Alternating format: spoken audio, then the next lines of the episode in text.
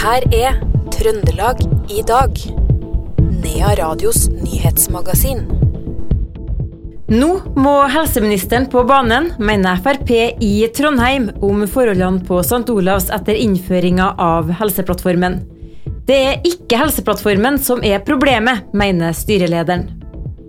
Bjarne Brøndbo ønsker å bidra til en bedre jul for de som har lite penger. Gir bort konsertinntekter. Og vil du ha en intimkonsert med gras i stua di? Da må du følge med her. For det her er noen av sakene du får høre mer om i Trøndelag i dag 1.12.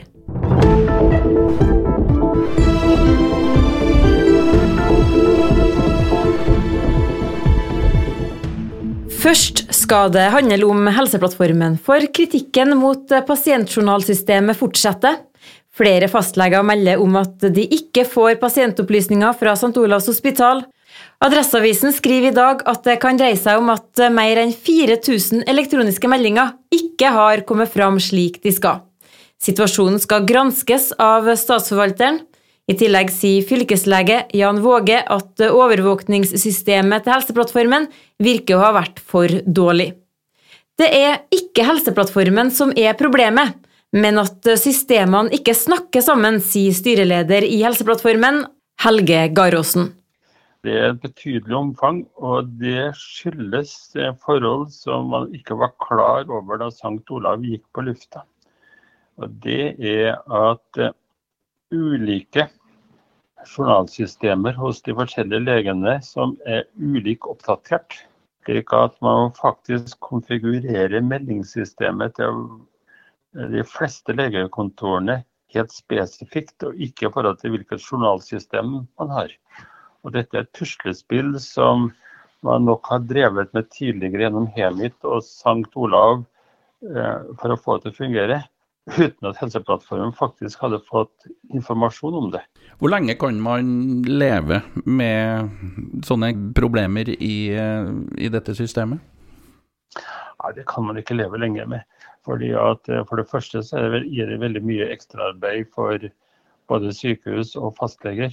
Dernest er det en utfordring at det kan bli noen forsinkelser i forhold til oppfølging av den enkelte pasient. og Det er jo det siste som er det verste oppi der. Det sa styreleder i Helseplattformen, Helge Garåsen, til reporter Knut Inge Skjem. Regjeringa med helseminister Ingvild Kjerkol i spissen må nå på banen. Det krever gruppelederen i Trondheim Frp, Elin Marie Andreassen. Hun er oppgitt over at det ennå ikke er ordna opp i problemene Helseplattformens innføring har ført til på St. Olavs hører om at uh, prøvesvar og epikriser uh, mest sannsynlig ikke har kommet fram dit de skulle. Det er jo veldig alvorlig, og det kan jo være kritisk også for den enkelte. det. Så det er jo noe som må ryddes opp i. Jeg er jo enig med han klinikksjefen som sier at dette burde jo vært ordna på dagen. Og det ikke sikkert det er så enkelt, men det her må, må bare fikses nå.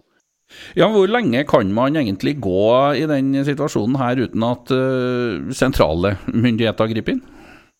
Nei, Man bør jo egentlig ikke gå en dag eh, med en sånn situasjon. Eh, så, så sentrale myndigheter bør jo også komme på banen og, og, og vise interesse for å, for å, løse den situasjonen som har oppstått nå.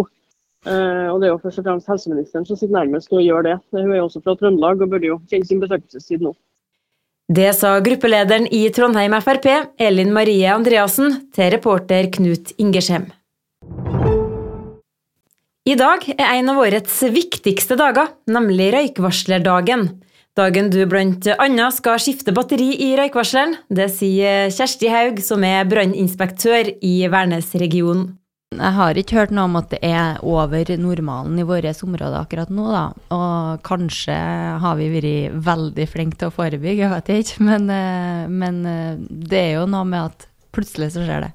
Så, så vi må bare jobbe på. og og sjekke røykvarslerne våre, sånn at hvis at det skjer, så får vi i hvert fall varsling, og vi kommer oss ut. Så I tillegg så er det jo veldig viktig å ha, ha brannøvelse i hjemmet òg. Man har jo ofte det på arbeidsplassen, eh, der man stort sett er våken, da.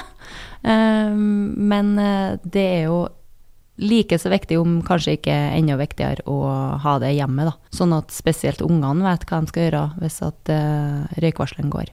Det sa Kjersti Haug, som er branninspektør i Værnes-regionen, til reporter Per Magne Moan. Det kommer ingen avgjørelse fra statsadvokaten i Silje-saken før nyttår, det sier statsadvokaten til NRK. Fem år gamle Silje Marie Redergård ble funnet død i en akebakke i Trondheim i 1994. Tre gutter på fire, fem og seks år fikk den gang skylda. I fjor ble det bestemt at saken skulle gjenopptas, og politiet har etterforska den på nytt. Tidligere i høst anså de saken som ferdig og sendte den til statsadvokaten. Men et nytt tips gjorde at politiet fikk den tilbake. Pga. sykefravær er så langt 71 av AtBs ruter innstilt i Trondheim, det melder Nidaros. Oversikt over innstilte ruter finner du på atb.no. VM i Trondheim må selge 250 000 billetter for at de skal nå målet om et overskudd på 22,5 millioner kroner, det skriver Adresseavisen. VM-sjef Kristin Murer Stemland sier de står fast på det som sto i søknaden. Neste uke skal legge fram budsjettet for VM-styret, og der står det at de forventer 264 millioner kroner i utgifter. En syklist i 60-årene ble sendt til St. Olavs hospital i bevisstløs tilstand etter et sammenstøt med en bil på Risvollan i Trondheim i morges. Førerkortet til bilføreren er midlertidig beslaglagt, skriver Adresseavisen. Politiet betegner ulykka som alvorlig. Det ble derfor rekvirert både krimteknikere og ulykkesgrupper til Statens vegvesen, og veien ble stengt som følge av undersøkelser på stedet. Ei kvinne fikk i seg røyk og er frakta til St. Olavs hospital etter at hun ble evakuert fra en brennende enebolig på Tunga i Trondheim i natt. Det melder politiet. Det var kraftig røykutvikling fra brannen som nå er slukka. Det var hjemmesykepleien som oppdaga brannen og slo alarm, opplyser politiets innsatsleder på stedet til NRK. En sjåfør anmeldes etter at bilen ble stoppa i en kontroll på Sluppen i Trondheim. Fører mistenkes for promillekjøring og kjøring uten gyldig førerkort. Både fører og passasjer er satt i arresten for å få sove ut rusen, melder politiet. Klokka 13 i dag åpna Røros-ordfører Isak Veierud Busk årets julemarked fra Snøscenen i Bergmannsgata. Leder for arrangementet, Lillian Sandnes fra Visit Røros, er glad for endelig å være i gang med et godt, gammeldags marked uten strenge koronarestriksjoner etter to år med pandemi. Nei, Det her har vi gledet oss til lenge, og når vi ser det programmet og det utstillerne vi får, så er det bare å glede seg, og det gjør i hvert fall vi i arrangementskomiteen. Eh, så det håper jeg Jeg håper publikum kommer, og det tror vi, for vi har fått mye omtaler rundt omkring. Alt fra tradisjonelle magasin til luksusmagasin rundt om. Julemarked Røros skal være noe du må hit for å oppleve. Vi skal ikke kopiere noen andre marked, og det er det jeg tror vi vinner oss på. Det unike Røros opplever de bare her. Vi må være godt vertskap alle sammen, og det vet jeg at rørosingene er. Det sa Lillian Sandnes i Visit Røros til reporter Per Magne Moan. Nok en gang er Røros kåra til Norges beste kulturkommune. Det er Telemarksforskning som eh, lager det som kalles for Norsk kulturindeks, basert på mer enn 50 ulike kilder. Indeksen gjelder pandemiåret 2021, Trondheim ligger på en sjetteplass, bak Oslo, men foran Bergen. Billettsalget til nye Hjorten Teaters juleshow i Trondheim Spektrum går så det suser. De første forestillingene ble utsolgt på kort tid, og nå blir også billettene til ekstraforestillingene revet bort. The Show Must Go On AS opplyser at Queen-konserten med Åge Steen Nilsen i samme lokaler har solgt over 3200 billetter allerede, og Olavshallen har solgt ut 70% av billettene til sine julearrangement. Men det går ikke like godt for eh, alle. For tidligere denne uka ble det kjent at Elisabeth Andreassen og Are Hembre måtte avlyse sin julekonsert i Selbu kirke pga. Eh, labert forhåndssalg. Og forestillingene Rock of Ages på Åsheim forsamlingshus med Sparbu teaterlag i Steinkjer måtte kansellere sine fem siste forestillinger pga. at de ikke solgte nok billetter. Leder for teaterlaget, Andreas Melgaard, sier det er vanskelig å forstå hvorfor publikum uteblir. Jeg er ganske sikker på at det ikke har noe med produktet å gjøre. Jeg tror det er jeg tror det er rett og slett tida vi er i. Alt er dyrt og alt er usikkert for tida. Så jeg tror ikke bare vi, jeg tror det gjelder mange andre som holder med kultur òg. Å få utfordringer med å få solgt nok billetter. Jeg er overbevist om at har vi satt opp dette for tre-fire år siden, så har vi hatt 1500 ekstra mer solgte. Det er jeg ganske sikker på. Hvor mange har dere solgt, da? Eh, nærmer oss 4000. Så vi er fornøyd med det. altså, ho, ho. Det, det er 4000 som har kommet til Sparbu, liksom. Det er helt fenomenalt, det. Det sa leder for Sparbu teaterlag, Andreas Melgaard. Men det skorter ikke på gode tilbakemeldinger. Forestillingsperioden på Rock of Ages går mot slutten. Det er kun tre forestillinger igjen, og i går var 150 elever fra 10. trinn på Steinkjer ungdomsskole til stede i salen for å se på læreren sin i en av rollene. Og Oskar Skei, Georg Furunes og Herman Grøstad var imponert over det de så. Nei, Det var veldig artig. da. Det var veldig bra og ja, det var en fin opplevelse. Og så var læreren deres med på scenen. Hva syns dere hun gjorde? Nei, Hun var flink, hun. Hun var imponerende. Jeg visste, jeg, visste at hun var flink til å synge, men eh, hun imponerte meg. ja. Hvilken rolle var det hun spilte? Eh, Hun var vel hun som uh, eier strippeklubben, var ikke hun? Hvordan var det å se læreren sin i en sånn rolle? Jeg er stolt. Veldig, veldig stolt over Silje. Kult. Kult å se. Det sa Oskar Skei, Georg Furunes og Herman Grøstad. Og de siste forestillingene med Rock of Ages i Sparbu i Steinkjer går i morgen, lørdag og søndag. Bjarne Brøndbo reiser også rundt med julekonserter for tida, både med DDE og solo.